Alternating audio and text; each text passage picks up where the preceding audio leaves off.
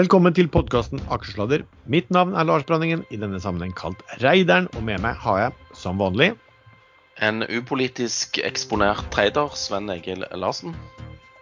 Og um, sistemann som bruker å være i panelet, altså Jallakongen Erlend Henriksen, han er ikke her i dag. Eh, det kom et spørsmål da på Facebook om uh, vi har kvitta oss med han. Eh, nei, vi har jo ikke det. Altså, Han er jo nesten umulig å bli kvitt. Eh, jeg har jo selv hatt han inne i huset og servert han eh, vin. Eh, og det, da var han jo umulig å bli kvitt da også. Så han eh, er forhåpentligvis tilbake igjen eh, neste uke. Han er utenlands nå, skal vel delta i en familiær begivenhet, ikke sånn? Skal ikke han gifte bort sin, sin syvende sønn eller et eller annet? Han har jo så mange unger at jeg vet ikke om han helt har, har tellinger på dem. Men han skulle i hvert fall gifte bort noen, skal han ikke? Ja, jeg tror det var noe sånt. Og hvilket nummer i rekken det var, det er jeg litt usikker på. Det er mulig at han er litt usikker på også. Nei, men akkurat problemet med det der vingreia og Henriksen, problemet var vel at du hadde for stor vinkjeller, tipper jeg. Hadde det gått tomt, så hadde han jo stukket. Uh, ja, det, det, det, er også riktig. Uh, men med deg, hvordan går det med deg? Det, går det bra, eller går det som vanlig? Nei, begynner å bli lei været, da. Det tok, tok, litt lengre tid enn, en, en jeg trodde, fordi vi har jo hatt en periode med faktisk veldig fint vær. Men nå, nå begynner det å bli så regn og 13-14 grader igjen, og da uff, ja. Men eh, jeg må vel være her til valget eh, er over og denne her energikonferansen til Pareto. Så får vi se om det blir en tidlig høstferie. Ja. Neida. Men jeg, på børs og sånn så har jeg tatt det veldig rolig i uken som var. Jeg har uh, kjøpt noen bonds og deltatt i et uh, nedsalg i Danmark. Takka nei til en emisjon i Norge. Uh, småhandla Eller kjøpt litt Husker du denne Group Airwell, et av Ulf-casene? Den har jeg ja. faktisk kjøpt tilbake igjen på fire, mellom 480 og 490. For den har ramla under emisjonskurs. Jeg tror ikke det skjer noe der med det første. Jeg har uh, kjøpt meg inn i en uh, gammel kjenning som heter Hyon. Uh, der har jo selskapet kommet og sagt de har kun penger ut året. Men jeg sjekka litt på, på, tall og sånn, og de har ikke noe gjeld. Så når du er cappa til 10 millioner og du har et eller annet revolusjonerende teknologi for fylling av båter med hydrogen, eller fylling av hydrogen på båter og, og hydrogenfyllestasjoner marint, så tror jeg kanskje noen kommer til å, å plukke de opp hvis teknologien er bra. Ja. Jeg skal avbryte deg bare litt, for jeg skal gjøre en liten ting som, uh, din egen, uh, for din egen sikkerhet. Å ja, sånn, sånn uh, disclaimer? Ja. Jeg er så vant med at dere tar den, så jeg, jeg, når vi bare er to, vet du, så, så Ja, men kan ikke, kan ikke, du ta den i dag? Nei, det kan jeg faen ikke.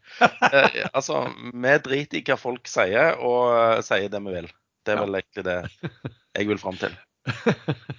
Det er riktig. Vi ringer råd dersom du hører på hva vi sier her om markedet, aksjer, enkeltaksjer og livet for øvrig er ansvaret helt og holdent ditt eget. Det kan forekomme feil i det vi sier i programmet, og panelet og panelets gjester kan være langt, kort, direkte eller indirekte eksponert i aksjer, selskaper og produkter som omtales i programmet, og vi gir altså ingen anbefalinger. Skal hoppe tilbake igjen til du bare, Siden du nevnte Hyon, har du sjekka da på altså Det må jo ligge et framførbart underskudd av en viss verdi kanskje i det selskapet også? Ja, det, du er sykelig opptatt av de eh, fremforbare underskuddene. Jeg er ikke så sykelig opptatt av det. Det er kun når, eh, når, det er ingen andre utveier. Da begynner jeg å kikke på det. Men eh, nei, jeg har ikke kikka på det. Men det, begynner jo, men det begynner jo å bli Det er jo knapt nok noen andre utveier når selskapet begynner snart å, å, snakke om å legge ned. Ja, ja. Men altså, du er cappa til 10 millioner, da. Og jeg husker ikke hvilken kurs de kom på børs med, men det kan jeg sikkert finne ut hva, hva, hva prisingen var da. Så ja, jeg vet ikke hva denne teknologien og ideen disse er verdt. Men uh, jeg bare tenkte jeg skulle ta et bet. Det pleier jo alltid å komme sånn uh, psycho-rally i, i, sånne ting, hvis de kommer med noe som kan uh, skimte av et lite glip av håp, liksom. Ja. Kan de ha vært på 1,50 eller noe sånt? Jeg ser bare at det høyeste de har vært, er på 2,90. Okay. Um, ja det, det selskapet her. Nei, men jeg er litt enig i det at det høres litt rart ut at første gangen liksom de, de, de uh, OK, det, det, har gått mye tregere alt mulig ting, og derfor har de ikke etterspørselen etter sine produkter, men, men uh, det høres litt rart ut at med en gang det er et kapital eller de begynner å nærme seg null i kassa, så skal de bare legge ned. Det, ja, det kan Ja, være I og med at de ikke har, har noe særlig gjeld heller. altså De har bare vanlig sånn, eh, holdt på å si forbruksgjeld, men sånn leverandørgjeld. Uh, Så, så ja, det, de virker veldig defensive i siste. Kanskje noen som har lyst til å bare kuppe teknologien til eh, mindre enn 10 millioner. You never know. Men så mye penger er det, det er vel ikke så mye å kunne investere og få noen aksjer for i et selskap som er kappa til 10 mil. Nei, det var nettopp det. Jeg tror jeg har Skal vi se hvor mange aksjer jeg har. Jeg har tradet den litt òg, sa du. Men uh, Hyon, det Hynion Nei, jeg tar 800 000 aksjer. Du, det, det er Hyon du snakker om, ikke sant? Ja, Hyon, ja. Ja, du, Hynion er, er biler i Sverige, det. det ja, det er riktig. Ja. Eh, Det hadde vært fint å kjøpt feil, feil aksje, liksom, eh, på Fint å snakke, snakke, snakke om en aksje du ikke eier. Det hadde vært morsomt, Eh, det òg. Ja, nei, så eh, Det det er lodd. Lottolodd. Men, men. Det kan jo, bli, kan jo bli bra. Jo, ellers Vi er fortsatt på den hva vi har gjort den siste tiden. Ja da. Yes, eh, jeg var med um, Nei, jeg eh, Jo, jeg var med i eh, en obligasjon eh, som ble utstedt Eller han ble ikke utstedt i går, han ble utstedt den 7.9. Men i Aksaktor de eh, trenger penger til refinansiering. Dette er jo dette inkassoselskapet med John Fredriksen eh, på banen. Eh, av en eller annen merkelig grunn så har han, har han alltid likt sånne eh, inkassoselskap. Så jeg, vet ikke helt hva han tenker der. Men eh, ja, han har jo gjort store penger der tidligere. Men eh, uansett, de henta 2,3 milliarder i går. eh, til en kurs på Nibor tre måneder pluss 8,25 prosent. Så du er jo oppe i en rente på ca. 12,97 eh, Og det syns jeg egentlig er ganske, ganske bra. Så i forhold til penger i banken. Ja. Vi kan kanskje snakke litt om når du begynner å se sanne rentenivåer i obligasjonsmarkedet også. eh, Implikasjoner for andre aktører også. Ja, så så jeg en på Ekstrainvest og tok også relaterte det til folkefinansiering som gjøres på samme nivå eller lavere. Som er da eh, vesentlig mye mer risikabelt enn ja. en, en børsnoterte eh, papirer. Ja. Ja, ja, eh, ja. eh, Nedsalget var med i Sealand Pharma. Der var det et fond som ville ut. Uh, Tegna for eh, 100 000 euro, og så fikk jeg eh, aksjer for 38 000 danske. Det er vel ca. 500 000 norske. Men eh, Altså, det er jo ikke det, men det bare virker sånn. Eh, Tjente bitte litt penger. To bayer og en rød pølse, liksom. Det var vel gevinsten der. Har du begynt har du begynt å se på svenske, nei, danske eh, emisjoner også nå? Nei, nedsalg. Å, Oh, nedsalg, ja. Ja, nedsalg. Det var fond som skulle ut. Nei, men jeg har eh, enkelte mm, oppegående meglere som eh, sier fra når de tror det er en god deal. Det er jo positivt. Det er bra. Litt sånn som han megler Drypp i Pareto. Ja. Når han kommer med et eller annet. Ja. Jeg får ingen sånne, men eh, det er kanskje gode årsaker. Ja, du har egne drypp, skal du si. ja, og ikke, ikke særlig bra heller. Ja. Eh. Nei, men, men, men ja, vi må jo høre hva du òg har gjort. Du har sikkert gjort mye mer spennende ting enn hva jeg har gjort. Nei, ikke egentlig. Um, jeg har fortsatt å plukke litt, litt uh, spe, discount, som vi kaller det for. Jeg var inne i Lerøy Seafood og solgte. Jeg klarte faktisk å selge meg ut med tap der. Bra, Lars. Inn og ut av DNO på sånn cirka null. eh, solgte meg ut av Archer, for at uh, ja, det begynte å skli, og, og Luservice eh, sklidde også. Jeg, uh, kanskje jeg skal begynne å kjøpe den. Skal jeg vet ikke hva den ligger på nå, så kanskje jeg skal kjøpe den, uh, kanskje begynne kjøpe den tilbake igjen hvis den begynner å falle under uh, Skal vi se hva Archer ligger på nå. Det var på 80-tallet i går, så jeg. Ja, det var liksom der jeg plukka den opp også på. 87-88 også. Gikk den jo på 1,13 på det verste. Og så har jeg kjøpt en del, eh, en del ja, kjøpt litt eh, CM Offshore eh, i dag. Uh, har solgt litt eh, eh, Havila Kystruten i løpet av uken. Um, og så har jeg vel også solgt litt grann Seabird når det kom på over, over, over fem kroner eller noe sånt. På det, for den, den har jo ofte falt, falt litt tilbake. Da. Så det, men det har vært ganske stille og rolig for min del også. Man sitter jo og ser på, ja, det, på markedet og, og ja, litt, er litt skeptisk på, på mange ting. OK, eh, skal vi ta emisjoner da, og i det norske markedet, Sven? Hva, hva skjer? Ja, Vi har én, men jeg, jeg, glemte å si at jeg òg har kjøpt noe i, i, Sverige som heter Desenio Group. Det er det denne plakatselskapet som Ulf har lagt sin elsk på. Der var det en stor selger i går, og fortsatt i dag ser det ut som på 1.09. Um, og der ba Ulf meg lese kvartalsrapporten som nettopp kom, og der viser det som om de har fått litt gang på salget sitt nå i sommer. Så det, det kan jo være en å følge med på. Uh, jo, emisjoner. Det var én, og den var jeg ikke med på engang. For det var fastpris til nesten ingen rabatt. Pareto Bank trengte å hente penger til, eh, til ytterligere vekst. Eh, det ble jo en suksess. Eh, så burde jo vært med og fått en 50-åring der, men det gjorde jeg altså ikke. Litt kjedelig. Du, altså sitter, her sitter vi og venter på at det skal komme emisjoner, og så kommer det en med fastpris som var, var det 3 rabatt på siste omsatte? Ja, jeg tror han var omsatt på 52, og så kom, uh, kom emisjonen på 50-50. Altså 50,50.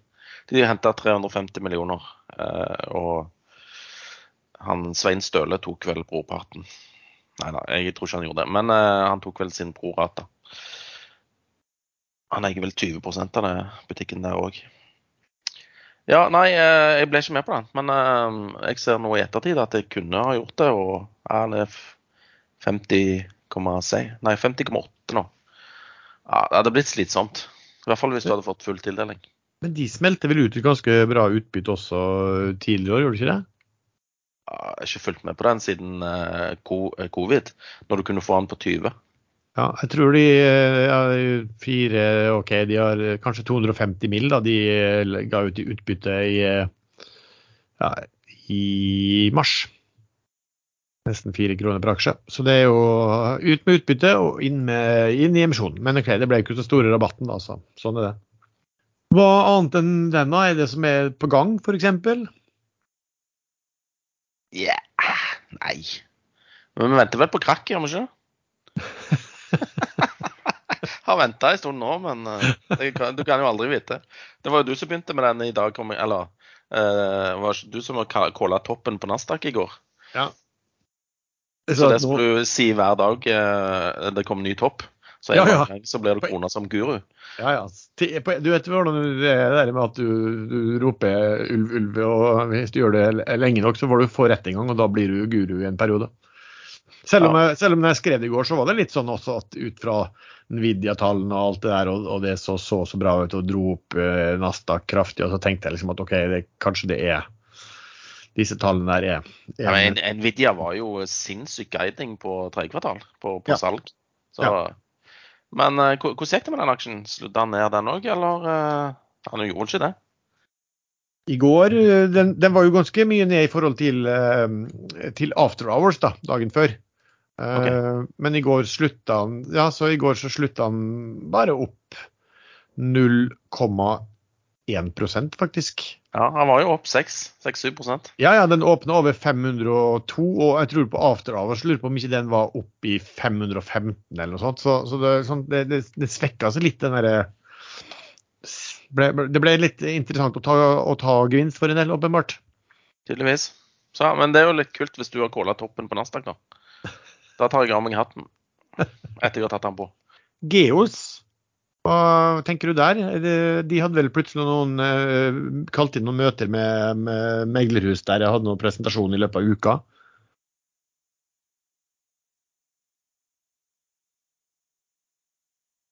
Hallo? Annie's gone? Ja, nå har jeg eh, snakka mye om Geos uh, uten å Altså mens jeg var muta. Så Jeg har i hvert fall fått bekrefta at mikrofonen virker, så det er ikke verst bare det. Nei da. Eh, Geos, ja. Det, det, er ikke noe bombe at de trenger penger, fordi de har kjøpt eh, fire PSV-er og en eh, liten subsea-båt fra Rune Offshore sitt konkursbo. Og de trenger penger, eh, tippa rundt 500 millioner kroner. Så at de hadde en presentasjon på onsdag, og at de kommer til å hente penger neste uke, det er det ikke høy odds på. Så er spørsmålet hvilken kurs det blir gjort på. Skal man tippe tipper, så tipper jeg én krone, som var der eh, hovedeier Oaktree konverterte sine warrants. Ja. Så har vi en, eh, en av dine Ja. Eh, Mens vi er i Supply, eh, Solstad eh, offshore, eh, der kan jeg fortelle at akkurat nå klokken 12.04 så er de i gang med en presentasjon hos Arctic as we speak. Så der skal det nok hentes betydelige midler. Ja, fordi at der kom jo eh, Pareto kom noen kommentarer der, og i de kommentarene så, så skrev, ga de litt informasjon også. Hva sto der? Jeg husker ikke ordrett, men eh, de eh, eh, trakk eh, analysedekningen og, eh, og kursmål eh, fordi at de er hyra inn som finansiell rådgiver. Og det er tydeligvis Arctic eh, også, eh, ser det ut som.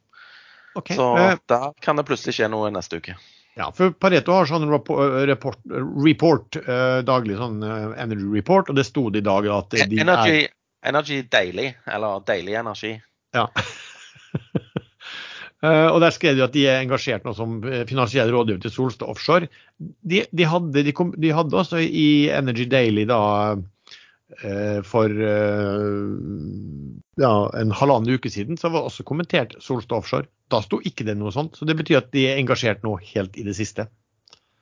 Men jeg, jeg tror ikke de skal ri litt sånn på den Doff-hypen. og De var jo veldig bullish på dette konstruksjonsfartøybiten i kvartalsrapporten som kom for et par dager siden. Så det kan være en emisjon å, bli med på. Ja. Hvis eh, prisen er lav nok.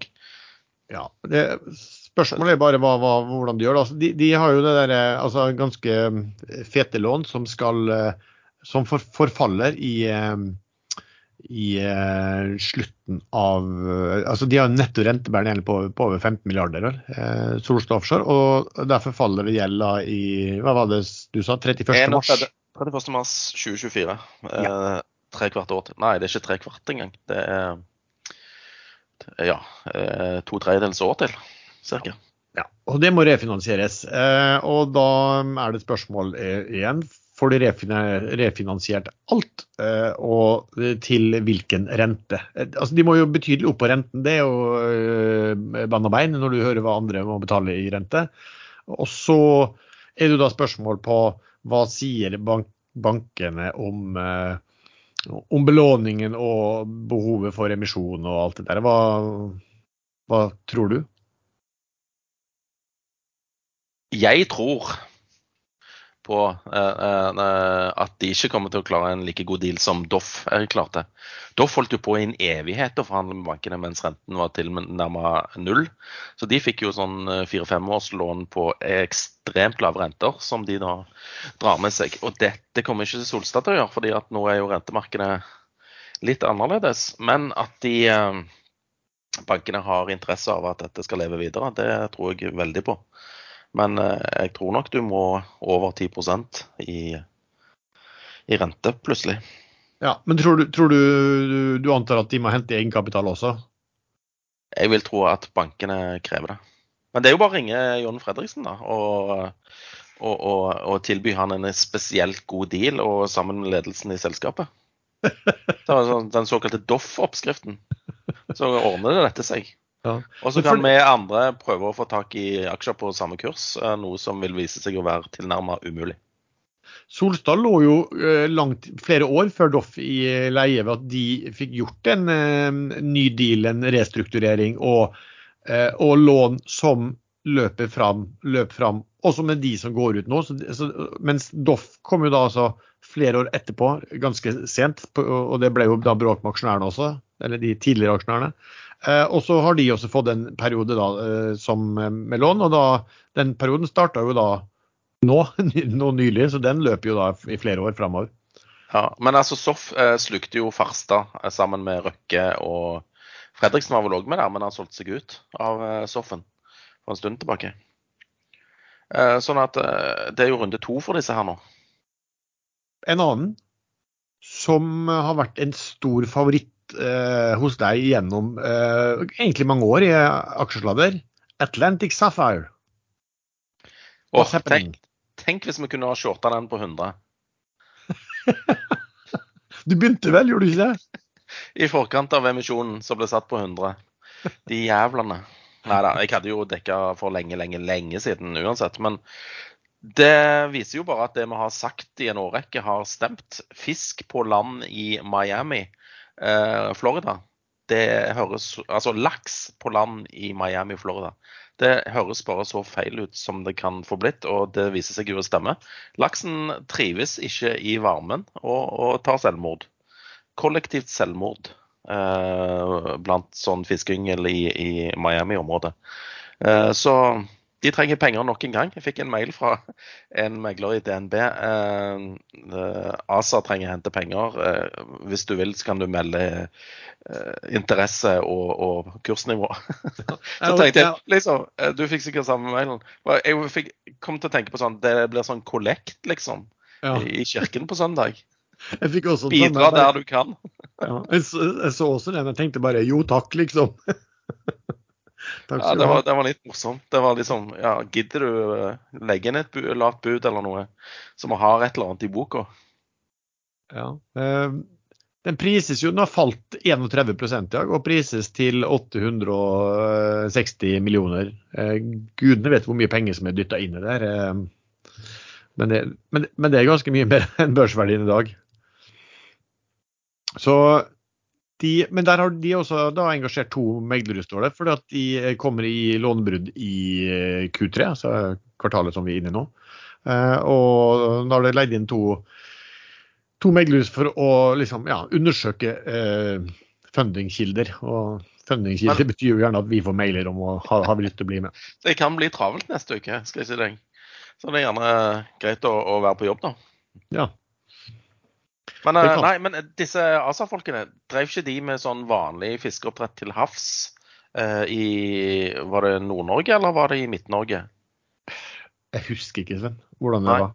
Men de, de, drev i hvert fall med konvensjonell fiskeoppdrett. Og så må noen ha fått et hetes... Nei, uh, ikke heteslag, det var vel ikke så varmt der. Men noen ønska seg til varmen da, og fant ut at vi kan jo lakseoppdrett, så vi tar med oss kofferten og så litt sånn yngel, og så prøver vi borte i Miami. Der er det mye bedre vær enn en, uh, i Nord-Norge. Ja, hyggeligere. Men, men samtidig, altså, jeg syns ikke du skal være så slem mot folk som prøver slem. å på, på Slem Egil. Og, og holde på med nye, si, nye forretningsideer. da. Det, det er lov å mislykkes, da. Men, det er lov å mislykkes, og det er synd på de som har tapt penger der. Men ikke kom og si at vi ikke har advart dere. Uh, når du sliter med å, å, få til fisk på land i Norge der du har kaldtvann, eh, og jeg skjønner dette med grunnvann og alt i, i Florida og at det er kaldt, men det blir jo fort varmt da, eh, hvis du ikke har på aircondition. ja. En annen, Vi om, eh, vi hadde jo forrige episode hadde besøk av traderen som vi kaller for Kokken Tor, og han var jo veldig interessert i XXL. Um, og der har Det jo vært, så det ble jo notert en tegningsrett. Uh, i starten var jo den veldig feilprisa. Um, fordi at uh, du kunne kjøpe uh, Altså tegningskursen er da um, 40 øre, og så er det en tegningsrett som gir rett til å kjøpe én aksje til 40 øre. Og den ble jo da prisa på ja, nå er den jo på 27 øre, jeg tror den lå også. Altså, reelt sett betalte du en 67 øre for, for aksjen, mens samtidig så ble jo aksjen treda på en 75-80 øre i markedet. Da. Men det varte vel et par dager det der da, den, den feilprisingen, og den har liksom da tatt seg inn, og da er det aksjekursen som har falt ned mot tegningsrettkursen. sånn at det er ikke noe, er ikke noe store forskjeller mellom den uh, nå. Uh, det er vel ja, 69 øre på vanlig aksje, og via tegningsretten så kan du betale 67 øre. Mener du å si at markedet er effisient? Har blitt det, liksom. er nesten litt overraskende. For jeg syns at man har av og til advart mot sånne ting og fortalt at man kan gjøre det Altså at man skal man inn, så bør man gjøre det via tegningsrett. Hvis du eier aksjen, så selg aksjen og kjøp retter i stedet. Altså en arbitrasje på det. Men ofte har det liksom ikke helt funket.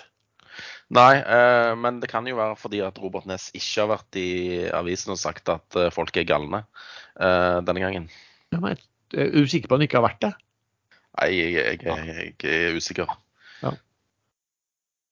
Sånn er det. Um, makromessig, i dag så er det en eh, stor happening i USA, en konferanse i USA. Sven, hva, hva er det som skjer? Nei, det som skjer er jo at uh, i Wyoming, i en liten by som heter Jackson Hole, så skal alle Fed-sjefene møtes for kanapeer og uh, sprudlevann.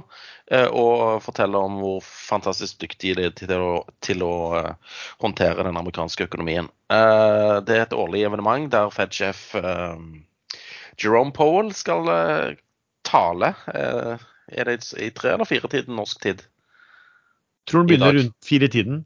Ja, rundt firetiden så pleier det alltid å komme en del headlines, og så reagerer markedet på det. Og hva kommer til å komme? Jo, han kommer til å si at vi må holde renten eh, høy, eller høy rente og høy rente, der han er nå, eh, for en periode, lengre periode, tipper jeg han kommer til å si. Og Fed-sjefen har jo kappes om å være i nyhetsbildet de siste dagene, og, og, har sagt mer eller mindre det samme. At eh, nå skal vi kanskje ta det rolig og ikke heve renten, men den kommer til å ligge høy en god stund. Eh, blir i hvert fall ikke noen rentesenkninger før et stykke ut i 2024. Tror ikke han kommer til å dato- eller tidsfeste noe, noe tid for rentesenkninger. Tror du han kommer til å si altså Markedet følger jo veldig mye med på det. for Av og til så kommer de liksom med nye sånn policies, eh, selv om det ikke er direkte beslutninger, så antyder han det. Tror du han kommer til å si noen ting som kan eh, ja, gi markedet ei solid opptur eller nedtur? Nei, jeg, tror de, jeg syns de er blitt flinkere eh, til å ikke eh, prøve å styre markedet. Selv om de egentlig Jeg tror egentlig de vil ha det litt ned, for det virker jo inflasjonshemmende med at verdier faller, liksom. Ja. Men, er, det noe, er, det noe, er, det noe, annet innenfor makro du har liksom, det, det, kommer jo tall hele tiden fra alle mulige steder som du har, uh, har reagert på i det siste? Kan ikke si jeg har reagert eh, voldsomt, i hvert fall. Men eh, tall viser jo nå, og, og, EU sier vel at kanskje inflasjonen er på vei ned, men det er òg den økonomiske veksten. Så det, det, er det du får da, med redusert inflasjon. Da må du passe deg for deflasjon. Det er alltid ja, noen pensjongreier du må passe deg for. Ja, for EU, altså hvis du ser sånn PMI, altså det, der det måler hva innkjøpssjefer tror om framtiden innenfor, uh, innenfor uh, manufacturing og services, den er vel ganske så svak innenfor EU. og Der ser du tallene også begynner å bli dårlige i, i mange land. Og så er det jo ja, Kina har vi jo snakket om. ganske dårlig. Det er jo USA som, eh, som kommer de, hele tiden med de gode tallene. Når, når Jobless var det i går, som var mindre enn eh, altså bedre enn eh, ventet. da. Men samtidig så, så jeg der at det kommer litt sånn motsigelsesfullt. For der kommer det også noen sånn PMI-tall fra USA som datt en hel del ned under forventningene, og, og ikke så mye til sammen. Ikke så tilsier noe særlig økonomisk vekst. Det er vel 50 er vel det som de sier at det er en ekspansjon. Og er det under 50 på den PMI, så er det en nedgang. Og den var rett over 50 nå. Ja. Uh, jeg tror egentlig problemet framover for oss uh, kommer til å være Kina, ikke så mye i USA. Uh, men, og, så er spørsmålet hvordan Kina løser de problemene som vi var inne på i, i forrige episode. Det, men det er jo rart, liksom, litt rart at, at, USA nesten boomer i forhold til vekst, mens eh, Ja, jeg syns det er litt merkelig. Ja. Nei, jeg forvånet, som de sier i Sverige. Ja, og det er jo lov. ja. Nei, det er ikke alt vi skal skjønne. Nei, ikke. Du, um, tenkte jeg skulle snakke om altså Supply har vi snakket mye om. Nå har jo de kommet eh, altså Alle disse store har jo kommet med tall eh, denne uken. Har du sett noe på det? Gjort deg noen tanker? Så på Doff-tallene, da. Eh, Doff er jo, jeg har jo 16 000 sånne B-aksjer som blir tilgjengelig for handel 2.10. Eh, så jeg ønsker jo Doff til himmels i forkant av eh, frislippet der. De heva guidingen fra sånn 4,2 til 4,5 eh, milliarder i EBITDA for 2023 til Hva var det, da? 4, ja, Nå står det helt stille. Jeg, ja, det var ikke det som var mid. Eh, jeg slengte ut en tweet på det òg. Skal vi se om vi finner den. Så slipper jeg å slå opp i børsmeldingen. Bare et lite øyeblikk her. Uh, faen, nå kommer det masse ballonger på Twitteren min. Det vil vi se. Der, ja. Uh, gammel guidance var uh, 4,2 til 4,7 milliarder kroner i EBITDA. Nå er ny guidance uh, 4,5 til 4,75. Sånn at mitt estimat der er litt heva. Men en, en, jeg kjenner som kan caset veldig godt, han mente det var litt skuffende på én måte. Men det viste seg at den guidancen inneholder eh, ca. 200 millioner i tapt inntekt fra dette her eh, skipet som brant i Brasil. Mm. Og så har jo da um, Solstad Solstad, Solstad der leste jeg egentlig bare guidingen. Eh, og de, eh, de, forteller om gode tider framover, og spesielt innen CSV, altså konstruksjonsfartøybiten. Og det er ikke noe bombe. Der er det shortage eh, på skip. og underbygger jo dette her eh, ja, håpløse oppkjøpstilbudet fra Subsea 7 på, på Doff. De trenger båter. Mm. Og Seoff kom også med tall uh, i dag tidlig. Og Den pleier ikke jeg å se på. Det er sånn, det er sånn du pleier å se på. Eioff ja. og Sioff og sånn. Det er så jækla kjedelig at det, det gidder jeg ikke bry meg med. Ja, De leverte også veldig bra. Altså, jeg bruker eh, Eioff er litt liten, men altså eh, Doff Soff og Sioff er vel de tre som jeg prøvde å, prøve å se på. Og nå har jo alle tre kommet, så jeg prøvde å gå med, jeg har et sånt lite regneark på de og prøve å sammenligne de eh, basert på en enterprise value og inntjening. Og enterprise value er jo da summen av børsverdi og netto rentebærende gjeld. Det var litt sånn interessant hvis du går nå på, på en, eh, det de hadde altså Hvis jeg bruker da første halvår, omregner det på et år, eh, da har du en en EV-EBITA på 4,9 på Doff, 5,3 på eh, Sioff og 5,9 på, um, på, Solstad. Men så er det litt vanskelig å regne altså, sammen, fordi at uh, de eier liksom de, Solstad eier jo altså man, man, eier deler av selskap som gjør at det er litt vanskelig å beregne. altså Det er vel spesielt da for Doff. da, Uh, men de prøver å hjelpe oss med å gi en slags sånn management-inntjening, altså en slags, slags egen i tillegg til den vanlige finansielle rapporten, så det blir litt lettere å sammenligne det. Men EV-EBIT er jo også interessant. da.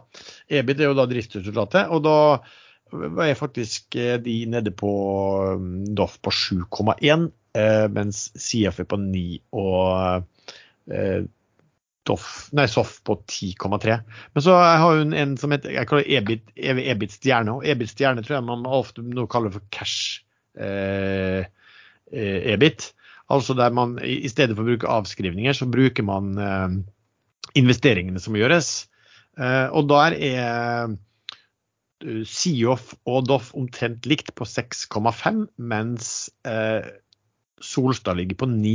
Så det, jeg ser, er at Solstad ligger eh, litt eh, høyere eh, priset enn de andre.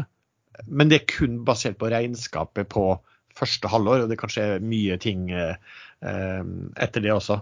Eh, og så, sånn, sånn, marginmessig så altså, altså, Inntekter i forhold til flåten så har jo da Doff veldig bra, det, men det er jo fordi de har, har vel mer engineering, sånn som jeg forstår det.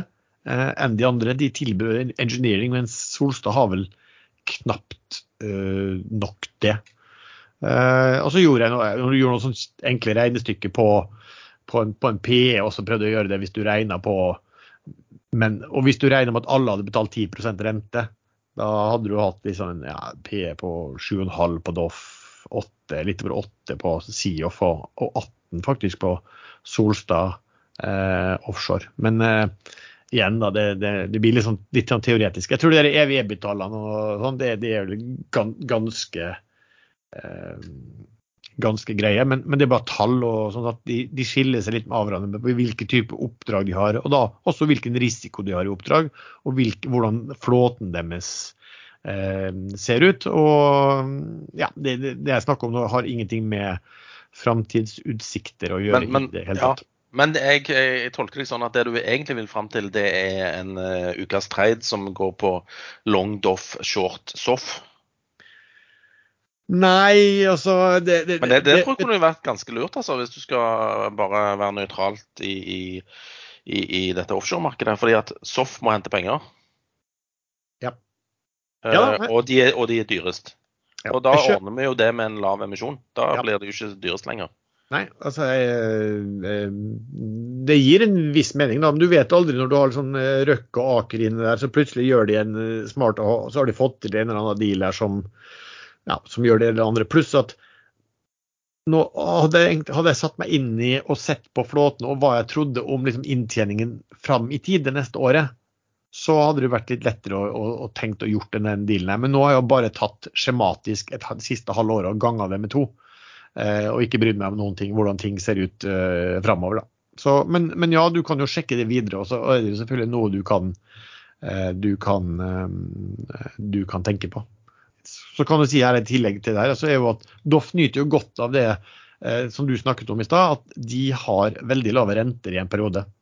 Eh, for de har jo nettopp rentebærende gjeld på 16 milliarder eller noe sånt. Eh, og det er klart at eh, det, det, gir jo en gevinst, det også, å slippe å betale særlig rente på det i flere år. Jeg skulle forresten uh, hilse fra en felles bekjent som òg kan dette Doff-caset veldig godt, og si at du var altfor negativ i forkant av uh, emisjonen i Doff. OK. Jeg kjøpte jo. jo, jo. Men i, i podkast så var du ekstremt negativt. Til eh, liksom om uh, Du, du syntes det var merkelig at det var så lavt priser, eller at det skulle være så stor interesse, selv med lav prising. Jo, men eh, jeg føler vel egentlig, det føler jeg egentlig at jeg har fått veldig rett i. At det var merkelig, for den kursen ligger nå på 45, og, og eier han er, han, er, han er, 47, faktisk. Ja, sant. Så, så hele det greiene at, at eh, 28 det, Hele den misjonen der framstår bare mer og mer merkverdig. Og du må huske på at i dag, så, i dag så har de altså mer enn dobla pengene sine. da, Styremedlemmer og, og ledelse som fikk tegne seg på 23 kroner tror egentlig motivasjonen din var å snakke det ned i forkant for å få mest mulig tildeling? Eh, eh, på emisjonen. Men jeg Nei, men for lavest mulig, mulig aksjer, da. Nei, Jeg tror vel egentlig motivasjonen var å mobbe deg litt, for du hadde jo gått all in eh, og satt og svetta. ja, mulig. Så ja, sånn, sånn, er med den saken. Så det blir jo interessant å se da med hva som skjer på Altså, de, de er jo i veldig fin fart på inntjening og øke inntjeningen i disse mm, selskapene. Og eh, skal man tro på hva de sier, så er det jo ikke noe eh, det er ikke noe at det skal avmattes med det, med det første heller. Nei, var ikke han Mons Aase i Doff ute og sa at 25-26 blir de beste årene? Ja, og det er jo ikke krevende i det hele tatt, de multiplene de prises på. Sant? At Eh, det var vel i dag han sa han i Solstad at, altså at skal man bygge nye nybygg her, det kommer til å koste så mye at det er ikke i nærheten å tjene det Eller å kunne regne det inn med, med dagens rater. Du, en kjent svensk ja, han er vel investor, er, han, han, er vel den som driver det Sevian, stort sånn PE-fond egentlig, som heter Christer Gardell. Han var ute i svensk media og betegnet børsen som kasino, eller som å gå på Solvalla etter hvert. Kritiserte at det var altfor mye penger, noen dumme penger, som eh, via indeks og alt mulig annet, og få prissettere igjen i markedet. Eh, og det gjorde at du fikk en masse han mente en masse dårlige selskap som var altfor høyt priset. Hva, hva tenker du om sånt utspill? Vet du hva, Jeg følger altfor dårlig med i Sverige. Så når du putta det på agendaen, så forsto jeg ikke hva, du, eh, hva, det betydde og hvor du ville hen. For jeg tenkte han der Gardell, det er han Jonas Gardell, som er han der rikshomoen i Sverige. Og, hva, og hvorfor han begynner å snakke om aksjer. Jeg skjønte ingenting. Så Det kan jo hende han kan om aksjer også. Ja, jeg vet da søren, jeg. Men derfor tenkte jeg ja, han har jo i hvert fall ikke kompetanse til å uttale seg. Nei. Så da dreit jeg i det. Men, men, uh, men det var jo Gardell er tydeligvis et vanlig navn i Sverige, da. Ja. Men Solvalla, Solvalla det har jeg hørt, uh, hørt om. fordi at uh, i mine yngre dager så hadde du jo både Rex Rodney og Sugarcane Hanover, som var sånne topphester på travbanen. Og de vant vel både på Solvalla og rundt forbi overalt i verden hvor de sprang. Så det var, det var, gode tider i travverden. Etter det så har travinteressen min uh, dalt betraktelig. Du traver bare rundt i stedet sjøl? Nei, mer galopp. Men, eh, men, hva tenker du om, om hva han sa? Altså, Nei, men jeg er, jo helt, er jo helt enig. Men dette har begynt for en stund siden. Når du har sett på dette meme-aksjehysteriet i USA eh, som kom under pandemien og folk ikke hadde jobb å gå til. Da satt de jo bare og trada. De vet jo faen De vet jo ikke hva de har holdt på med. Det, det er blitt sånn ja, eh, tull og tøys aksjemarked. Og kan godt være at han har helt rett i det han sier, at vi kun er et gigantisk eh, spillekasino. Men det som jeg tenkte på, var at han Jeg syns det var egentlig litt rart at han på en måte klagde på det.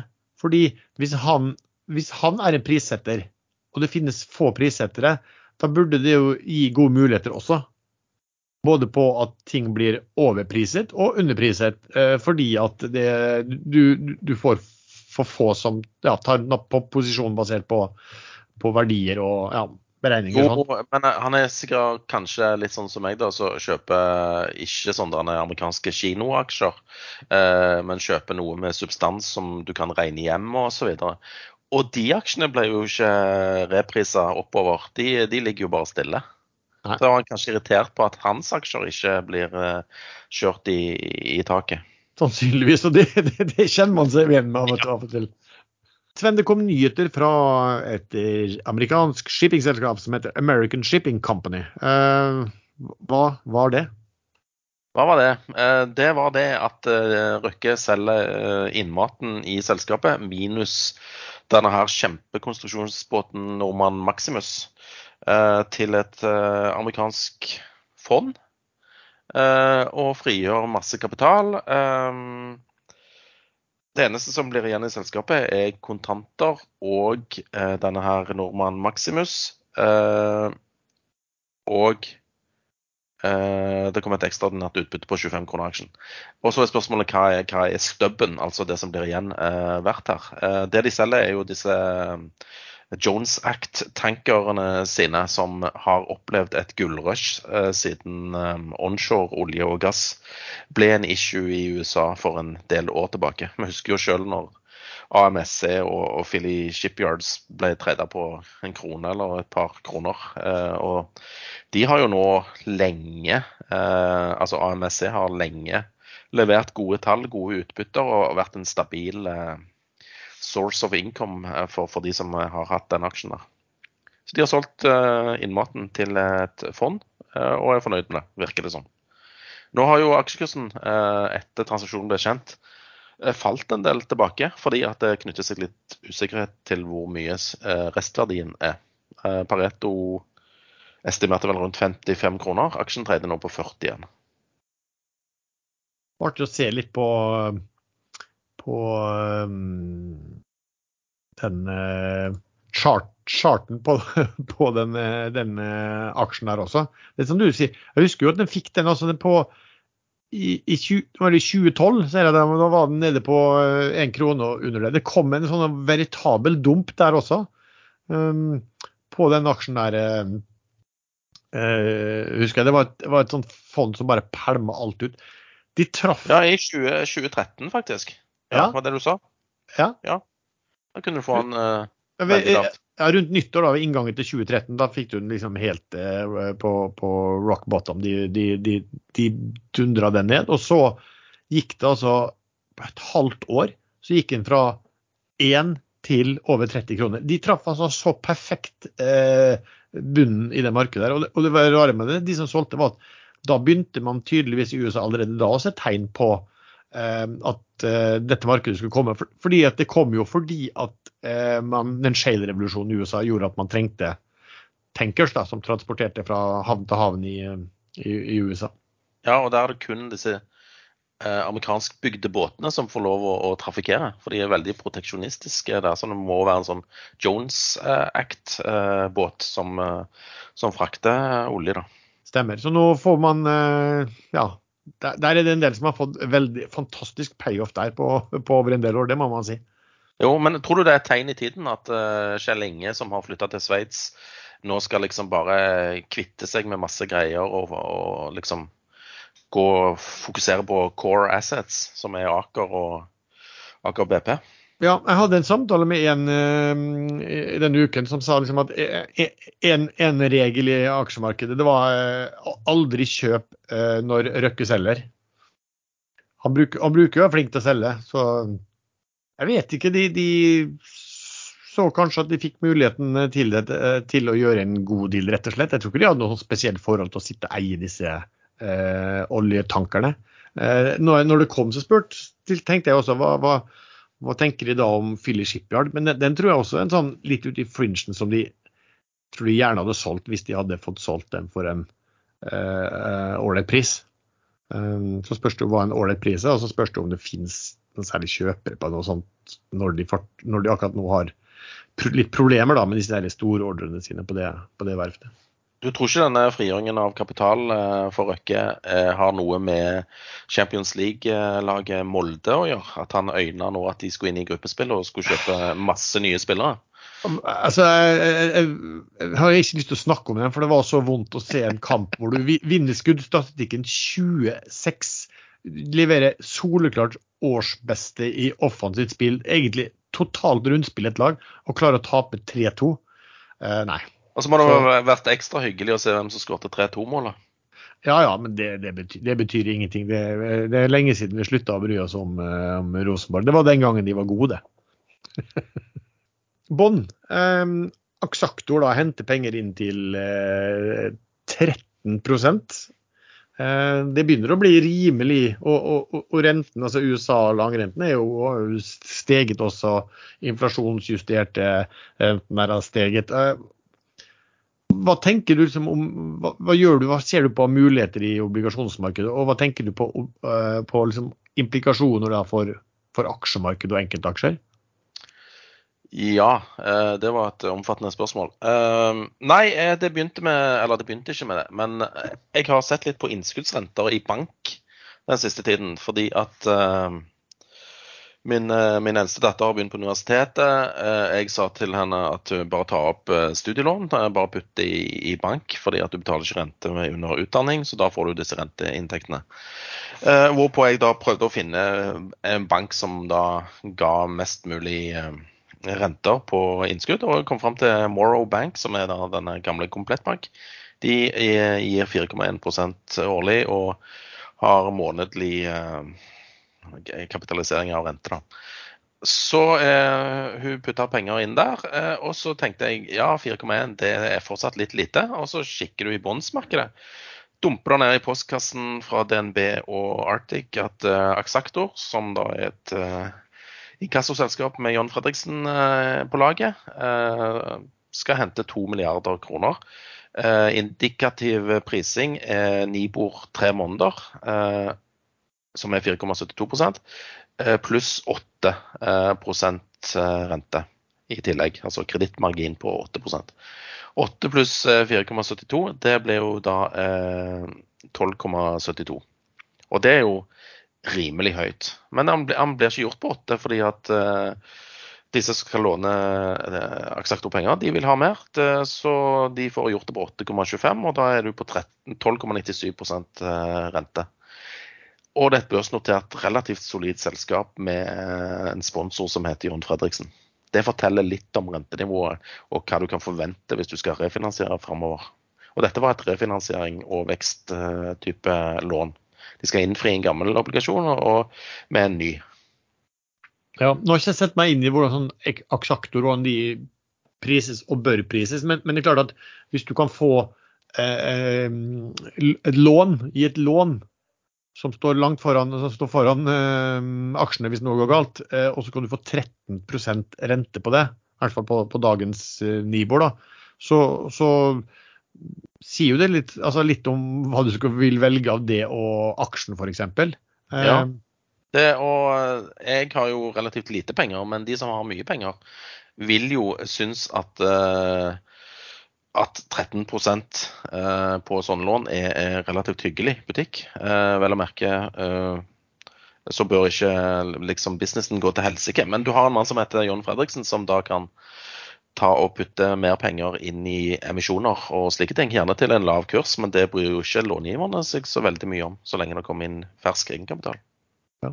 Så jeg ser også på muligheten på bonds. Jeg, kan jo si, jeg syns jo disse obligasjonsavdelingene til meglerhusene er rimelig sløve. De, de, er i hvert fall ikke så framoverlente som analytikere som stadig vekk sender ut eh, anbefalinger og hva de liker best. og sånn. Jeg har prøvd å spurt liksom, noen av disse meglerhusene hva, hva, hva, hva, er det anbefaler? Har dere noe spesielt å komme med vi kan, som vi kan nevne i, i aksjesladder her, eller som jeg kan ta opp i nyhetsbrevet Børs Ekstra og sånn, men liksom, de, de, de, kommer ikke tilbake med, med, med noen ting på Nei, det. men det er jo veldig fragmentert, dette her. Ja. Eh, obligasjonsmarkedet er veldig sånn ja, du, du, får forskjellige kurser fra hus til hus, liksom. Det er lite gjennomsiktig. Ja. Og alle har sin egen bok og sine egne interesser som de sender ut. Og så må du liksom bare passe på å være kunde mange plasser, så får du best, eh, best mulig eh, kurser når du handler. Ja. Det, min, minner, meg litt om sånn, minner litt om sånne unoterte aksjer i gamle dager. Ja, ja, ja. Hvor, hvor, hvor, det var, altså du kunne, Der kunne du holdt på med arbitrasje også, der, for eh, det var vidt forskjellige kjøp- og salgskurser hos de, de enkelte meglerhusene også. Det, det, er jo bare, det, det, er sånn, det er litt tullete marked. Dette burde de gjort mye, mye, mye, mye bedre. Og så eh, Enkelte ganger så kan du faktisk arbitrere, og da liksom eh, selger du noe til en, eh, og så eh, er du tom da, egentlig. Men så får du tak i noe billigere en annen plass, og så spør du da eh, han du nettopp solgte til, vil du ha mer? Da blir de mistenksomme, for da skjønner de jo at det er et eller annet muffins på gang. Ja, de, lig, de, lig, de ligger Nei, de liker ikke det. Altså, Da vil de ikke ha, fordi at Nei. Eh, jeg har fått kjøpt billigere. Ja. så det er litt sånn rart. Ja. Men det, ofte, det, er jo ofte mye spread, da. Altså forskjell mellom kjøp og salg. Så det er ikke så lett du, å Du må tyne de litt. Jeg husker når jeg begynte med bånd, så ble jeg jo rundlurt av disse meglerne. fordi at de, ja, de satt jo igjen med kjempespredder av og til. Og det ser du på sluttseddelen. Og da ble jeg litt irritert. Ja, ja. Du ser, du, du ser hvem som er motparten på sluttseddelen. Uff, ja. Men eh, nei, det var litt merkelig. Eh, eller det var ikke merkelig, men det var litt uh, funny. da, For et par dager siden så fikk jeg en SMS. Har du noe bonds til salgs? Fra en båndsmegler nå. Så det er tydelig at andre også springer rundt og, og vil ha høye renter. Ja, Men så enorm interesse er det jo likevel ikke når Aksaktor må opp på 13 da. Nei, eh, det stemmer. Eller Det er jo eh, senior unsecured, altså det er usikra lån. da. Så det, det, er ikke noe pant i noe, så du må jo betale. Men det, det, det der markedet er. Eh, ellers merker vi at de har mye eh, US dollar denominerte obligasjoner til salgs. Men uh, ikke så hypp på det når dollarkursen nærmer seg 11. Nei, kan jo, kan jo sikre det også, men det er jo, det, er jo viktig det også. Ja. De signalene på de rentene er jo veldig viktige hvis du sitter og tenker på eh, selskap som har lån som kanskje må refinansiere eh, ganske snart. Så gir det jo indikasjoner da på hva, eh, hva man må opp i. Ja, og, og type Geos og Solstad vil jeg tippe kommer ganske snart eh, med en miks av både egenkapital og, og, gjeld. og Det blir spennende å se hvor mye, de, hvor mye, rente de må betale.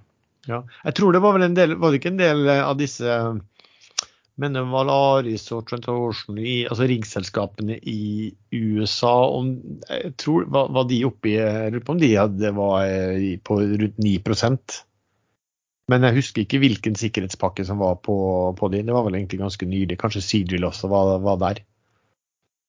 Men uh, ja, Valaris og, og Seadrill sånn, de har vel ikke noe nesten, De er vel begrensa med, med netto rentebærende. Uh, Transocean hadde vel, hadde vel desto, desto mer. Men, altså, men, men, det her er også interessant også på, på enkeltaksjer, men, men også på prisingen av hele markedet. Og Det er jo derfor liksom, jeg snakker om at jeg fleipa litt med at Nasdaq toppa. Så det er jo litt for at du, du ser at altså, det, er en, en indeks som prises til ganske høye multipler, da, og, og du begynner å se hvilken alter... Altså, vi snakket, Husker du vi, før vi da gjentok gang på gang 'there is no alternative'? Altså, nå er det jo virkelig alternativ ved å gå i, i, i, rentepapirer. Og til og med bankinnskudd også, som du kan få ganske bra på for en eh, I hvert fall på litt større beløp. Vi snakker ofte om dårlig innskuddrente i bankene. Jeg har selv fått tips fra en bekjent om å sjekke ut Fixrate, og fant deres tjeneste interessant. Det var enkelt å registrere seg, og rentene fra bankene som annonserer på Fixrate sin markedsplass, er veldig attraktive. Det følgende er sponset innhold. Med FixRate kan du tjene massevis hvert år på å flytte kapital til en bank med mye bedre rente. På FixRate får holdingselskap og bedrifter eksklusiv tilgang til rentetilbud fra over 60 banker.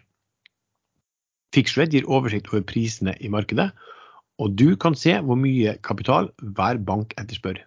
Du registrerer enkelt din bedrift, og dermed kan du plassere penger i bankene som annonserer. Det er fullt mulig å plassere innskudd på flere ulike rentetilbud. Mange av Fixreds kunder ønsker å bre sin kapital til flere banker. Å bruke Fixred medfører ingen økt risiko. Når du plasserer penger, er det banken som er din motpart. Fixreds rolle er altså å fasilitere, og er ikke borti pengene på noen måte. Siden 2017 har Fixred sine kunder flyttet over 50 milliarder kroner fra banker som gir dårlig rente, til banker som gir god rente. De beste tilbudene akkurat nå gir ca. 4,95 effektiv rente. Logg inn på fixrate.no for tilgang til de beste rentebetingelsene. Og lenken til Fixrate finner du i beskrivelsen til denne episoden. Eh, du så på tallene på Nvidia, gjorde du ikke det, Sven? Du var jo så godt driv der, så jeg tenkte jeg skulle snike meg bort til kjøleskapet og hente meg en ramløse. Så Ja. eh, det gjorde jeg. Men du var så rask å snakke at eh, jeg nådde ikke helt tilbake innen tidsfristen. Um, jeg kikka så vidt på, på jeg, er ikke den som trader særlig mye i USA, men jeg kikka på guidingen eh, til Nvidia, og den var jo formidabel for tredje kvartal.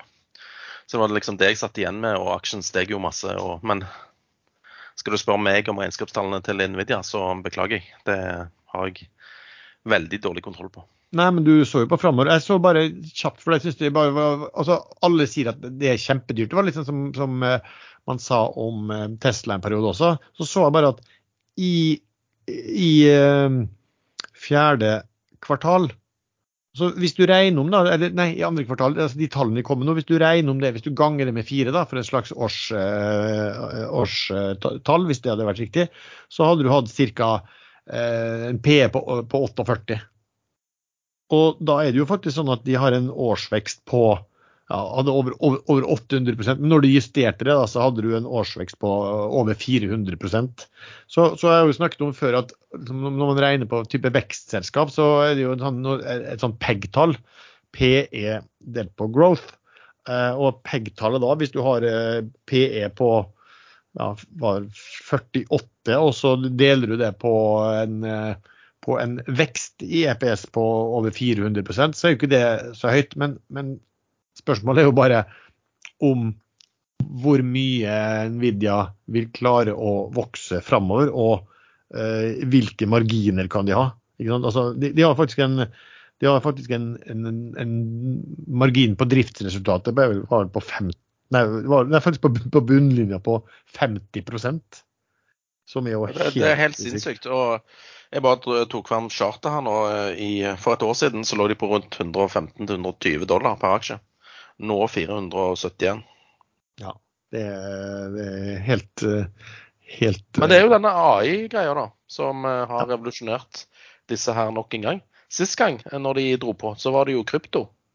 Ja, men spørsmålet da, jeg kjenner ikke til, liksom, men jeg, jeg, tror det var vel Microsoft som skulle lage noen sånne chips også, sånne, for å, å stemme, demme opp dominansen og avhengigheten av Nvidia. Så plutselig skjer sånne ting også, og da er det ikke sikkert at du klarer å ha verken den elleville veksten på topplinja, eller at du klarer å ha liksom 50 på resultat før skatt lenger.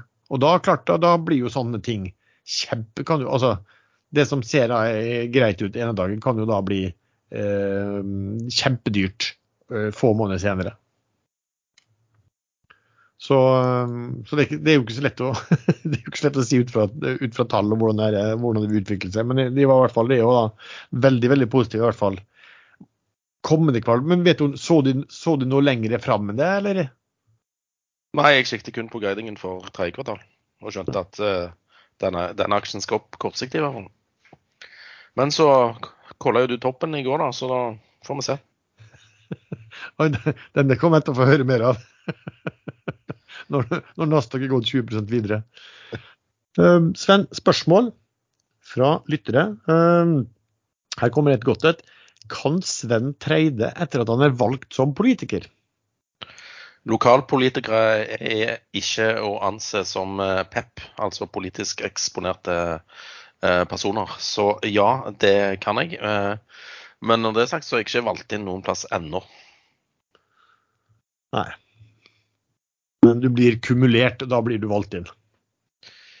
Ja, jeg vet ikke hva, det hva som skjer. Men jeg er, jeg er, så langt ned på listen at da skal det kumuleres mye, for å si det sånn. Ja. Enda et spørsmål da, som jeg vet at du har sett litt på tidligere, i hvert fall. Eh, NRC, spørsmål liksom om er NRC billig? Uh, mulig, men de blir jo bare billigere og billigere. Nå er de på 1032. Uh, vi venter vel på sånne jernbaneinvesteringer da, for å få fart på økonomien igjen, kanskje. Men uh, har vært billig lenge, har mange ment, og har bare blitt billigere. Så dette er jo et turnaround-case der uh, marginen uh, liksom må bedres. Det, det minner meg på en måte litt om Goodtech. Nå virker det som Goodtech kanskje har fått litt gang på, på businessen. Så kanskje òg NRC om et par år klarer å, å, få litt bedre marginer. Det er jo marginene her som er problemet. Men, men, den type case altså, Det er jo litt, ofte litt fristende å satse på turnaround, men ofte kan jeg, og jeg liker å gjøre det selv også, men ofte er det nok kanskje beste risk reward å vente og se til etter at du ser at tallene virkelig viser seg. Har begynt, har fall, du, du ser en indikasjon på at det har begynt å, å, snu. Ja, og det er det jeg føler jeg ser i Kufri, men jeg ser ikke det i NRC ennå. Nei, sant. Uh, ja, I forhold til den episoden her, så, så, så, skrev jeg på sosiale medier og rundt at uh, ikke så lenge siden jeg gjorde en, en, bare en regnskapsanalyse. Og merk, regnskapsanalyse er bare på tall, uh, ikke på noe fundamentalt som sådan ellers. Men så at jeg kunne ta et selskap, og folk kunne spille inn hva jeg kunne ta.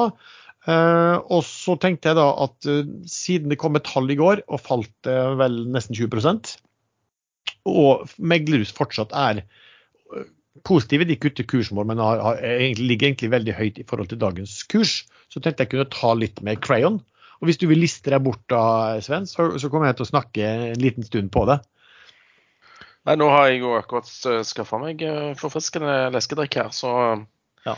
jeg, får, jeg, får, lese litt uh, nettnyheter. Men for uh, oss som ikke er så bereist i IT-verden, hva er det de driver på med, disse Crayon? Så de selger jo mye Microsoft-produkter uh, til kunder. Jeg tror de hadde 80 000 kunder i 46 land. De, de sier vel egentlig at de skal hjelpe eh, kundene med å redusere kostnader med å håndtere software og, og, og cloud-tjenester.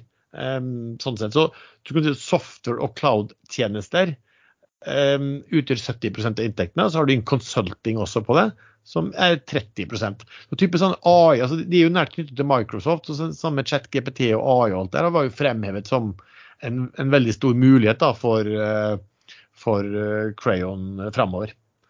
Uh, men nå har jo de, de er ned tilsvarende. altså De falt de er ned 20% siste uke. Falt vel litt videre i dag også. og Det betyr at de er omtrent ned det samme hittil i år selv om meglerhusene har vært veldig positive. De har vært, vist en sånn sterk vekst i mange år. Og nå på, så på kurs, da var den kursen på siste jeg så på den, var den rundt par og 80. Se hva han ligger på nå. han er, 80-90, hvis det er lov å si. Altså 80,90. 80,90, Ja, det er lov å si. Da har du en børsverdi på den på ca. 7,3 milliarder. Og så har du netto rentebærende gjeld på 1,8, så du har en enterprise value da på 9,1 milliarder. Altså Hittil i år så er inntektsveksten deres ja, første halvår uh, 24 um, og, Men når jeg ser liksom på, på, driftsresultatet, og er, når jeg bruker driftslån, så skiter jeg jo at de får fremheve denne EBIT-en sin. Uh, og det er attpåtil en justert EBIT, men jeg bruker et vanlig, normalt eh, driftsresultat. Så var det jo sånn at Plutselig så eh, falt eh, driftsresultatet eh, i forhold til samme periode i fjor ganske mye i Q2. Altså tallene de kom i går, og, derav fallet. Og nå første halvår så er vel da tallene eh, ganske, ganske, like.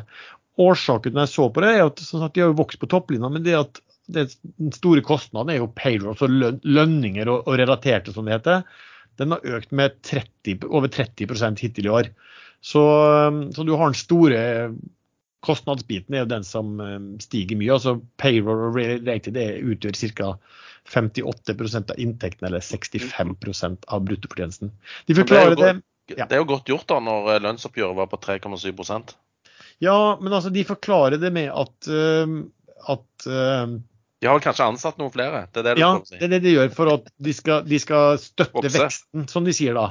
Og at, det, det, at du har en lead time, altså fra du, uh, fra du får inflasjon og lønnsveksten til du får tatt ut høyere priser hos kundene.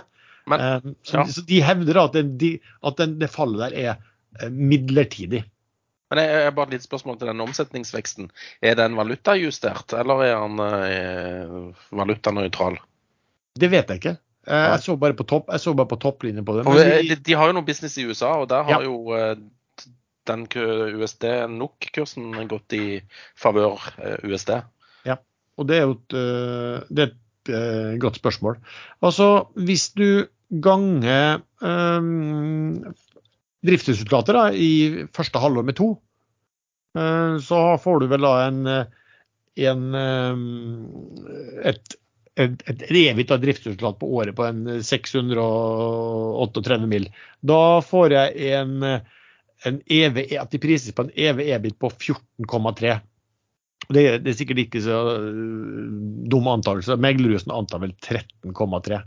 Så, og så kan du da ta en sånn Jeg bruker den som jeg snakket om, EBIT-stjerne, der jeg bytter ut avskrivningen med investeringene. Da er det litt rimeligere igjen, for da er EBIT-stjernene på 12,3. Altså, det er jo ikke billig hvis resultatveksten eh, uteblir. Det er jo ikke sånn kjempedyrt heller for et så stort selskap. Uh, Meglerhusene kutter jo kursmål nå, men det er altså en solid oppside til uh, kursmålene. Men jeg så jo på et, en av de analysene i år, og de mente da at de, de hadde den anbefalingen basert på at driftsresultatet skal stige med nesten 50 da, i 2024. Eh, Bokført verdi bok av egenkapital er 2,8 milliarder, altså mot market cap 7,3. Og boka består egentlig stort sett av goodwill. Eh, tar du bort den, så ville det ikke vært så mye igjen sånn sett. Så det er egentlig en regnskapsanalyse. Så må man vurdere selv da, om, om, dagens tall på første halvår er, er, billig eller dyrt. Det kommer litt an på uh, om det er slik som de sier at uh, den resultatsvekkelsen i forhold til hva man har trodd, om den er eh, temporær eller ikke. Men eh, sånn eh, bokført verdi altså, og boka kun består av goodwill, det er vel egentlig ikke så good? Uh, altså, har, det har jo blitt litt sånn Sven, at veldig mye verdier i selskapet er ikke maskiner eller uh, kundefordringer altså, lenger. ikke sant? Det har du på, på mange selskap. Uh, så det bryr man seg egentlig ikke sånn veldig, så, my, så, mye om som man gjorde tidligere. Bortsett fra det tilfellet selvfølgelig at hvis du begynner å gå dårlig, og hvis, og hvis du har lån, så begynner man jo å se, se mer på det, ikke sant. Så, så, ja, så det, det, det, vil nok være en ulempe hvis du uh, ikke klarer å, å få tallene til å, til å vokse lenger. da. Altså, at, at, veksten uteblir, eller til og med at du får, at du får, at du får fallende eh, resultater. Jeg, jeg er så gammeldags at jeg kikker fortsatt på de bokførte verdiene, og så ser jeg masse goodwill. Så tenker jeg uff, jeg orker ikke.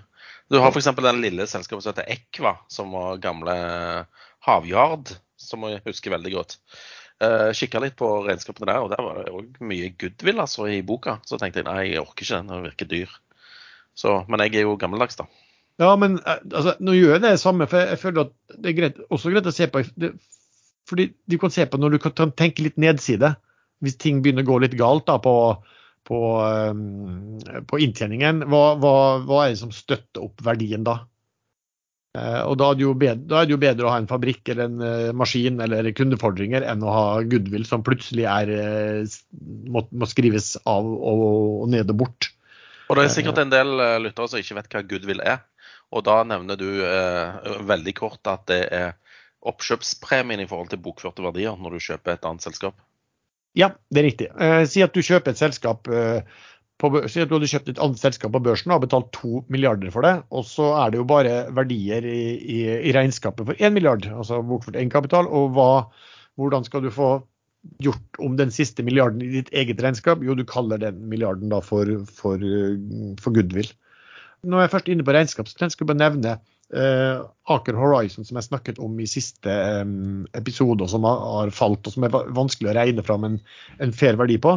Jeg så eh, I vurderingen de hadde av dette det som heter mainstream, som jo er den store verdien i uh, Aker Horizon, der brukte de 6% diskonteringsfaktor. Og, og, det var vel sånn at for hver 0,5% du økte den diskonteringsrenten med, så falt vel verdiene på den med en, en 1,1 eller annet milliard eller noe sånt. Så jeg jeg husker forbløffet når jeg så at det var de brukte 6% diskonteringsrente på å finne verdi. Altså ref, Sven, hva du snakker om i uh, obligasjonsmarkedet nå. Hva skjer hvis du bruker 13?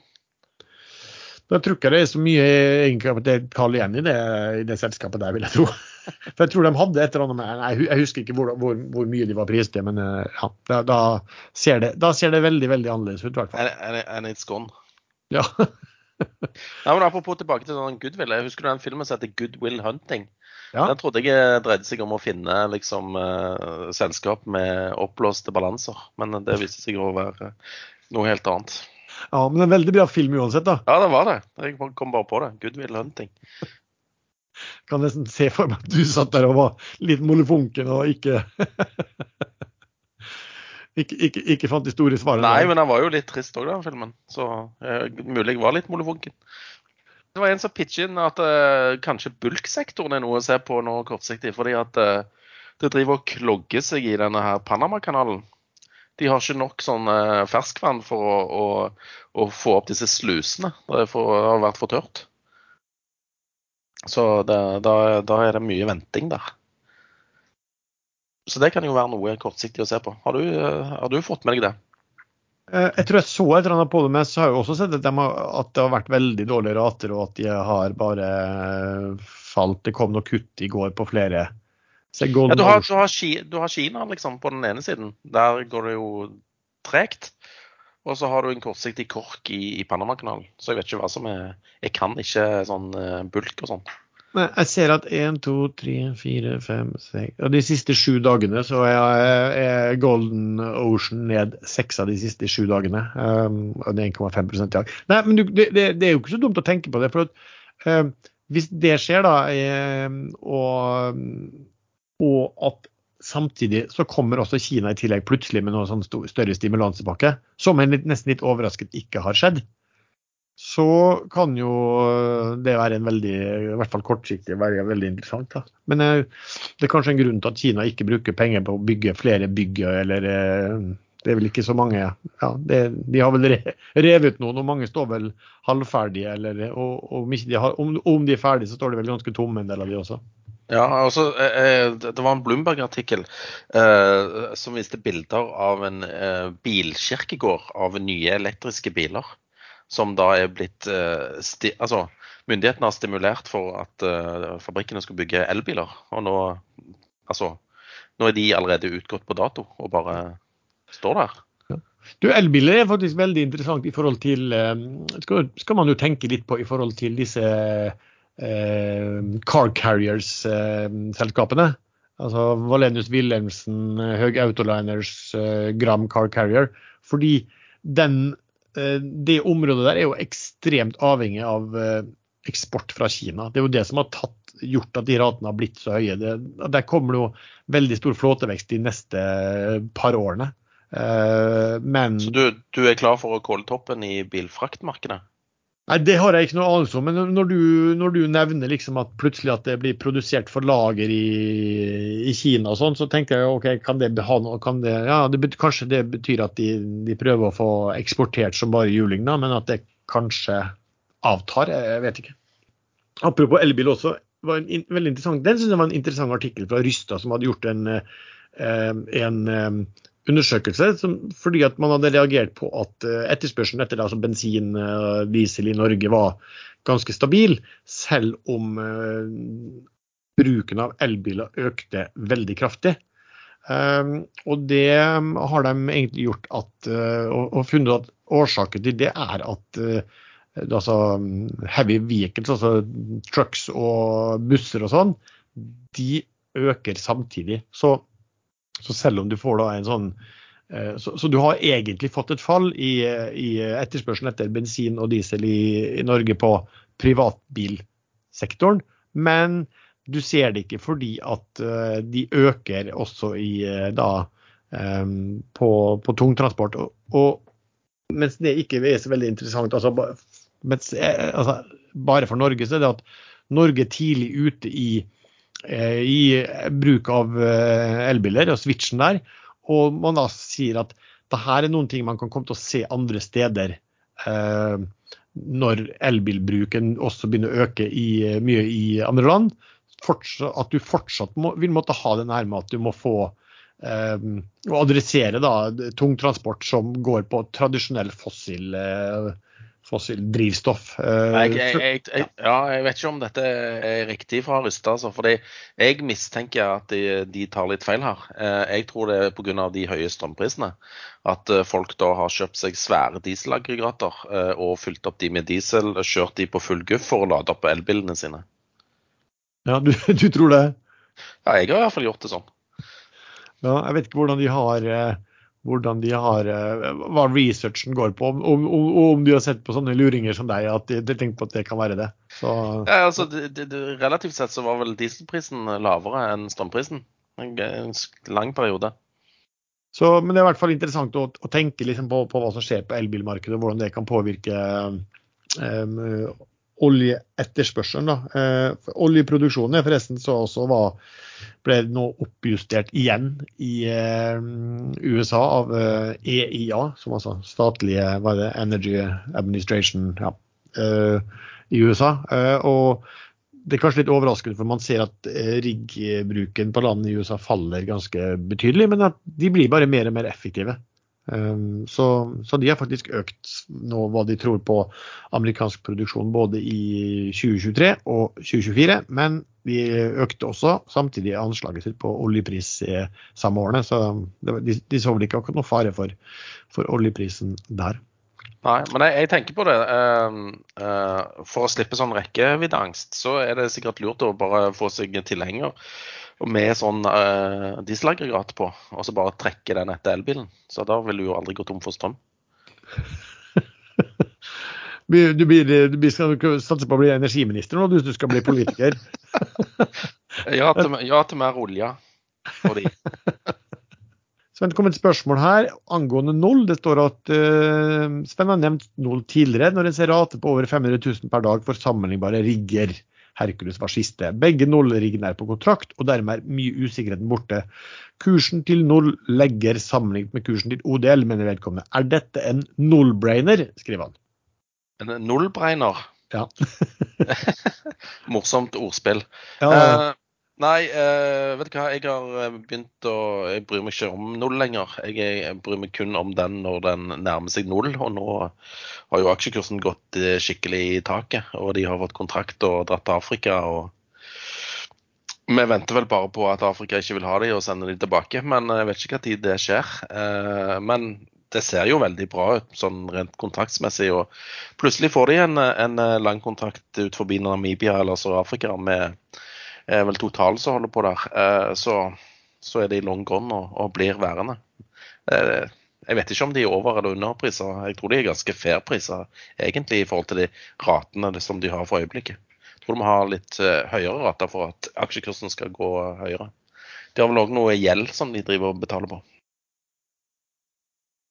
Vi kan i dag for første gang ønske Fontobel velkommen som sponsor av Aksjesladder. Fontobel er et globalt investeringshus med sveitsiske røtter som er spesialisert innen formuesforvaltning, aktiv fondsforvaltning og investeringsløsninger. Og selskapet er børsnotert i Sveits. Fontobel er allerede store aktører i Sverige, og satser nå også på det norske markedet.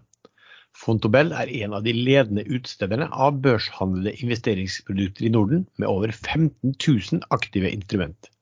Det aktuelle tilbudet omfatter børshandlede sertifikat, giringprodukter samt strukturerte produkter med eksponering mot et bredt utvalg av underliggende tilgangstyper, som f.eks. aksjer, valutaer, renter og råvarer. Husk at du risikerer hele kapitalen ved å investere i slike produkter. Som investor bærer du Fontobels kredittrisiko. Fullstendig produktinformasjon samt risker kan du lese om på markets.fontobel.com. Dette er sponset innhold, og husk at de som sponser Akersladder, også er de som bidrar til at du kan lytte gratis. Og lenken til Fontobel finner du i beskrivelsen til denne episoden. Ok, eh, skal vi avslutte som vanlig da, med om du har noen ukens favoritt, eller noe man skal være obs på i uken som kommer, Sven? Det var noe jeg skulle snakke om, og så nå glemte jeg det ut når du begynte med dette null-spørsmålet ditt. Men eh, det får vel, det får vel bare gå. Um, nei, altså følge med og følge med. Kommer det en eh, analyse i Havila Kystruten før reparasjonsemisjonen? Det er et spørsmål. Jeg tipper ja. Da vil kanskje den aksjekursen eh, stikke litt. Det er lov å håpe. Eh, ellers eh, sier ikke at folk skal hive seg på dette kortsiktige eller langsiktige eller mellomlangsiktige bettet mitt i Hyon, men jeg tipper det kan komme et eller annet der. Jeg tror de har vært litt for defensive og, og, og, sier at de bare skal gi opp. Jeg ser vel det er nok muligheter for at noen andre vil ta i det enn å følge med på. Eh, ellers så er det følge med litt på bulk om eh, dette Panama-greiene er noe som eskalerer. Eh, og jeg tror ikke det kommer sånn kortsiktig eh, stimuli fra Kina i løpet av neste uke. Eh, ellers så har du emisjoner på gang, som vi har snakka om tidligere i sendingen. Pass på litt i Solstad, som kanskje er den som har størst nedside. Eh, Golden Shower kanskje blir gjort på én krone. Hvis den blir gjort lavere, så kan jo den òg bli veldig interessant å være med på. Eller se opp for selskap som trenger penger. Der kommer det til å bli vanskelig. Mm. Spesielt Jo, den var det jeg skulle snakke om. Elkem. De henta jo òg et Eller gjorde jo òg et obligasjonslån i, i uken. Fikk du med deg det? Nei. Henta masse penger. Og de gjør det på Nibo pluss 1,55. Så spurte jeg jo da en tidligere obligasjonsmegler hvordan får de til det. Jo, fordi investment grade. Så de som er investment grade, de får fortsatt lave kredittpåslag i, i, markedet. Det var det jeg bare hadde tenkt å, å, legge til. Ja, Og hva betyr investment grade? Det betyr at det ikke er drit. Sett fra et ratingbyrå eh, eller to. Eh, ja. Så det er bare det at eh, de anser eh, risikoen eh, for ikke å få tilbake pengene som veldig liten. I motsetning til high yield, der eh, er både høy avkastning og høy risiko for at noe dumt skulle komme til å skje. Ja, for det at investment grade er vel da at det er eh, et, et, et sånn ratingselskap, så kan man si mye om dem, da, som, som må ha en, en viss Det, det er jo akkurat som karakterer på skolen. Ja. Altså Du har A, som er det beste, og B og C og D. Det står for default. Det er dårlig. Uh, A og trippel A, det er jo kjempebra. Ja. Det er vel det beste du kan ha. Ja, og, hvis du, og det er jo helt likt med skolen også. Hvis du smisker med læreren, så får du bedre rating her også. Og hvis du, hvis du ikke gjør det, så kan du få dårligere. Ja, og sånn som Fitch rating i, i USA, de har jo da uh, ikke fått noe smisk. Og da tok de og satte ned karakteren til USA til AA pluss. Ja, og, og, og, det er jo sånn at hvis du regnes da som uh, investment grade, altså lav risiko for at du skal defaulte, så betyr det også at det, det er mange fond og det er mange aktører, institusjonelle, som, som, som, De har lov. Kan, ja, de har lov, ja. ikke sant? og de har ikke lov til å, å, investere i ting under det, f.eks. De har sånne mandater ja. som ikke politisk, uh, har noen politisk betydning. Ja. Nei, det var bare det, det var en liten digresjon der. Men uh, det, jeg er ikke så veldig det er mye å følge med på. og Jeg tror neste uke kan bli morsom i aksjemarkedet. Du har Jackson Hole i dag. Der kan det bli, eh, komme litt bruduljer. Eh, jeg tror ikke det gjør det, men det er jo måten ting blir tolka på som er, det viktige. Så det, nå kommer endelig høsten med regn og masse action i aksjemarkedet. Ja. Det var litt kult å si. Action i aksjemarkedet. Ja, det var bra, den. Ja, det var godt fornøyd med den. Ja, over til deg, Lars. Over til meg. Eh, ja, som kjent så, um, så toppet jo Nasdaq ut i går. Det er opplest og vedtatt. Det, det er opplest og jeg, ikke noe snakk om den.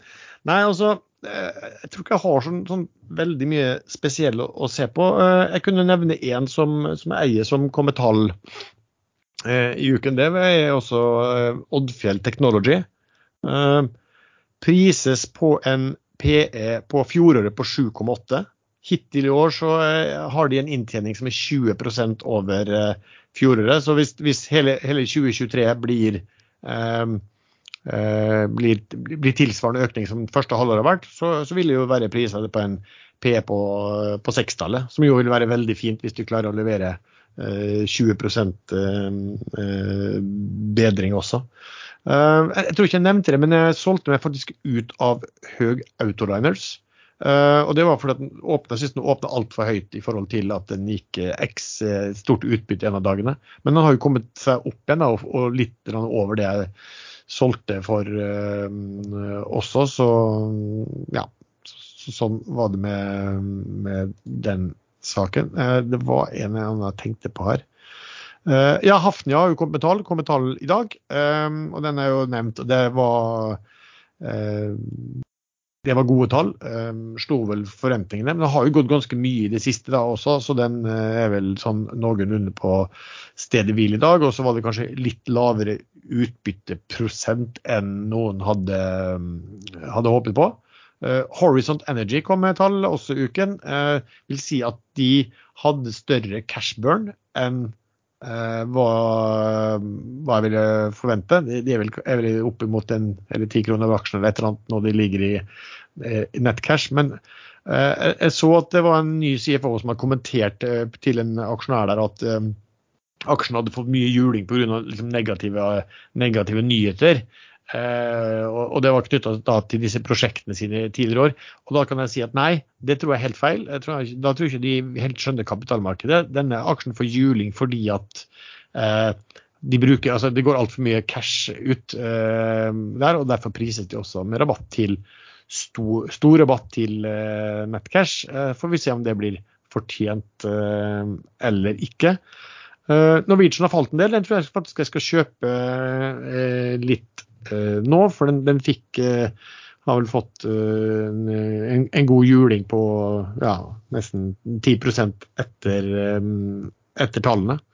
Så den tror jeg skal ta og kjøpe meg eh, litt eh, oppi eh, kanskje i dag.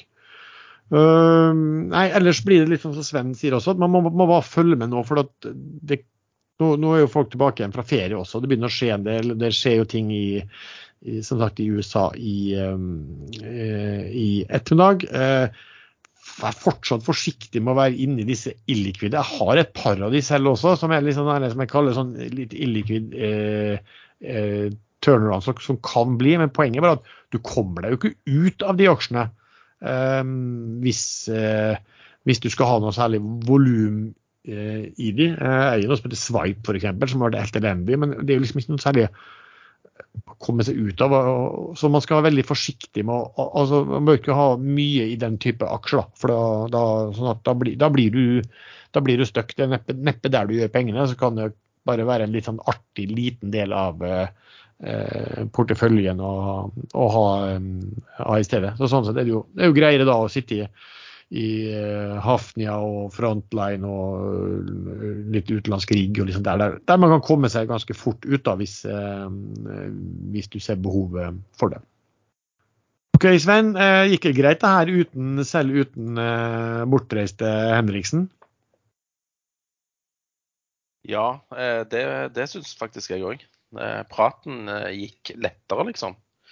Og raskere, ikke minst. Men som sovemedisin så ble jo podkasten Ja, han eh, ble ikke reseptbelagt lenger, for å si det sånn. Nei, Vi har jo hørt litt om hans, og hans eh, beroligende stemme, som noen sier, som, eh, som eh, ja, for, for, for de andre. Ja, men det er ikke, det er ikke tull engang. Jeg har sjøl av og til hørt litt på for å kunne sove. Så når Fredriksen begynner med disse thoriummonologene sine, så, så er det god natt herfra. Fredriksen, også kalt Henriksen. Sa jeg Fredriksen? Nei, jeg tror det gjorde. Fredriksen. Ja. Nei, men, Men- det. Ja, men med, med det så tror jeg vi eh, ønsker Fredriksen til lykke med, med bryllup i, i London i eh, helgen. Jeg tror det var i London. Kanskje det var dattera til Fredriksen Henriksen skulle gifte seg med. Ja, ja, da, De holder, de holder jo til i London, det gjør ikke jo. ja, ja, altså Hvis det er sånn, da tror jeg faktisk Henriksen hadde kommet til å bytte ut navn til Fredriksen selv også. Henriksen Fredriksen. Ja, sånn er det. Eh, Da takker vi så mye til deg som har lyttet til denne episoden. Eh, Treffer stadig og stort sett inne på Ekstrainvestor. Vi har også en egen gruppe på Facebook som heter podkasten Aksjesladder. Musikken er som vanlig laget av sjazz.com, og vi høres.